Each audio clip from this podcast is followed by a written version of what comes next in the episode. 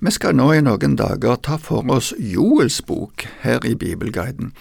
Profeten Joel er ei profetbok som er vanskelig å plassere konkret tidsmessig. Noen mener at han er en av de eldste skriftprofetene, mens noen mener at han virka like før eller til og med etter bortførelsen til Babel. De fleste tenker helst at han virka på den tida Joash var konge i Juda. Det var ei tid da både kongen og mange av hans medhjelpere var opptatt med å kalle folket tilbake til et nært forhold til Gud. Utgangspunktet for profetien ifra Joel er en naturkatastrofe med gresshopper. Joel bruker denne hendelsen til å forkynne at Herrens dag vil være en dommens dag over alle ugudelige men samtidig viser den Guds velsignelse som vil komme over de som følger Han. Uttrykket Herrens dag, som Joel bruker flere ganger, finner vi òg hos Obadja, og det er flere som mener at Joel kan ha hatt ordene ifra Obadja i tankene i sin profeti, og vi finner flere likheter mellom disse profetiene. Amos tar opp temaet om Herrens dag og lurer på hvorfor folket på den tida har en forventning om at Herrens dag kommer. De har tydeligvis en forståelse av at Herrens dag er til frelse og velsignelse, men Amos, i likhet med Joel, peker på at dommen over de som ikke lever etter Herrens ord, kommer til å oppleves som en katastrofe. Joel betyr Herren er Gud. Etter at profeten Elia hadde vist at Herren svarte på hans bønn med å sende ild ifra himmelen over offeret, ropte folket Herren, han er Gud. Det er òg innholdet i Joel sin forkynnelse. Joel, som tar utgangspunkt i gresshoppesvermen, som vi nevnte, anvender dette at Herren begynner med milde irettesettelser når folket hans ikke lever etter Guds ord, og så blir det kraftigere etter hvert som de ikke vender om til Herren. For profeten er gresshoppesvermene et forbilde på fiendeherrene som skulle komme inn over landet og ødelegge det.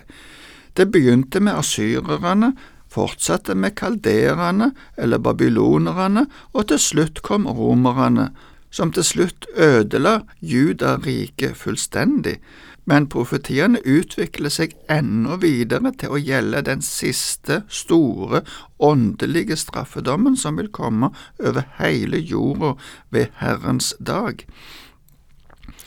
Herrens dag til dom er det ene hovedpunktet i profetien, men det andre er et utsagn om utgytelsen av Guds ånd.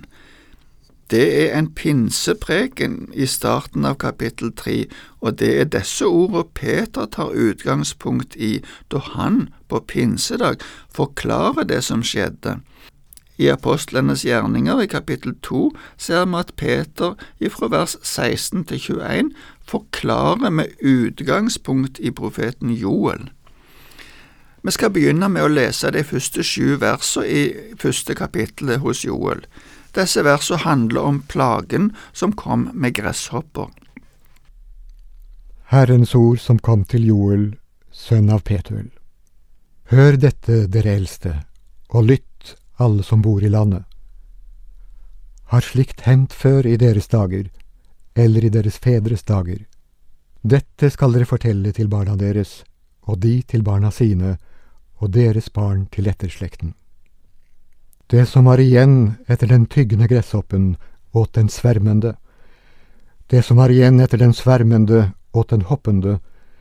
Det som var igjen etter den hoppende, åt den gnagende gresshoppen opp. Våkn opp, dere drukne, og gråt. Klag, alle dere som drikker vin over druesaft munnen ikke fikk smake. For et folk har dratt opp mot mitt land, mektig og uten tall. Tenner har de som en løve og kjever som en løvinne. De ødela vinstokkene mine og knekket fikentrærne, flekket av, slengte bort, greinene ble hvite. Når det her starter med at Herrens ord kom, er det et uttrykk for at profetens budskap har et guddommelig utgangspunkt. I fortsettelsen blir det stilt spørsmål om noe slikt har hendt før. Med andre ord var dette en katastrofal ødeleggelse. Vi kjenner jo til at også i Andre Mosebok kapittel ti, før Israel drog ut ifra Egypt, sendte Gud gresshopper som en domshandling. Muligens var denne ødeleggelsen enda større, eller kanskje var den i Egypt for så lenge siden at det ikke var mulig å sammenligne. Det er ikke uvanlig i Midtøsten og i Øst-Afrika at det kan komme store svermer av gresshopper. I teksten vår nevnes det fire navn eller karakteristikker på gresshopper. Det er mulig at det var fire forskjellige arter, eller det kan være stadier i plagen ifra gresshoppene.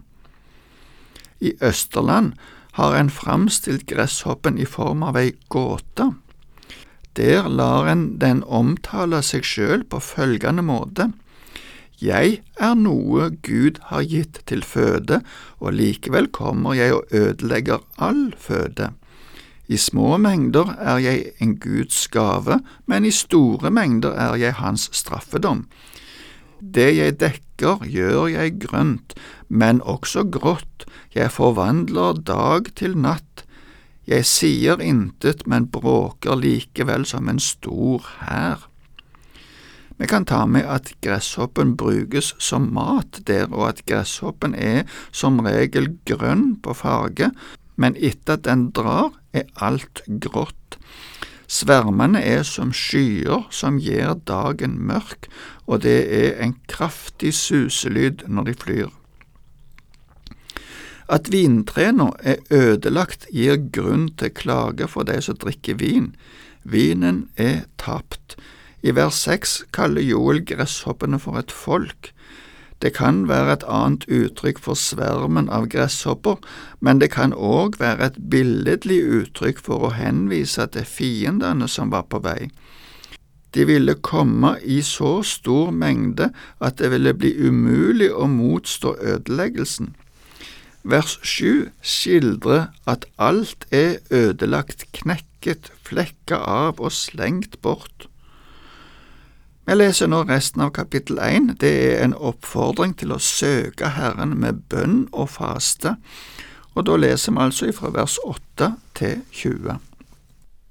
Klag som en sørgekledd jomfru klager over sin ungdoms brudgom. Grødeoffer og drikkeoffer finnes ikke lenger i Herrens hus. Prestene, Herrens tjenere, sørger. Åkeren er ødelagt, jorden sørger, for kornet er ødelagt, vinen tørket inn, oljen er borte. Bøndene blir til skamme, og vindyrkerne klager over hvete og bygg, for grøden på åkeren er tapt. Vinstokken er tørket inn, fikentreet visnet, granateple, palme og apal, hvert tre på marken er tørt. Blant menneskene er gleden tørket inn. Kle dere til klage, prester. Skrik, dere som tjener ved alteret. Gå inn og våk i sekkestriet, dere som tjener min Gud. For grødeoffer og drikkeoffer holdes borte fra deres Guds hus. Rop ut en hellig faste, kunngjør en høytidssamling. Kall sammen de eldste, alle som bor i landet, i Herren deres Guds hus, og rop til Herren. Å, for en dag! Ja, nær er Herrens dag. Den kommer med vold fra den veldige. Ble ikke maten borte for øynene på oss, glede og jubel fra vår Guds hus? Såkornet har tørket under jordskorpen, bingene er tomme, låvene revet, for kornet er tørket inn som buskapene rauter. Bølinger streifer omkring, for de har ikke beite. Selv saueflokkene må lide. Til deg, Herre, roper jeg.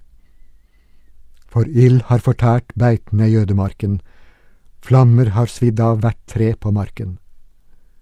Selv villdyrene skriker til deg, for bekkefaren er tørket ut, og ild har fortært beitene i ødemarken. Klag som en sørgekledd jomfru klager over sin ungdoms brudgom. Grødeoffer og drikkeoffer finnes ikke lenger i Herrens hus, prestene, Herrens tjenere, sørger.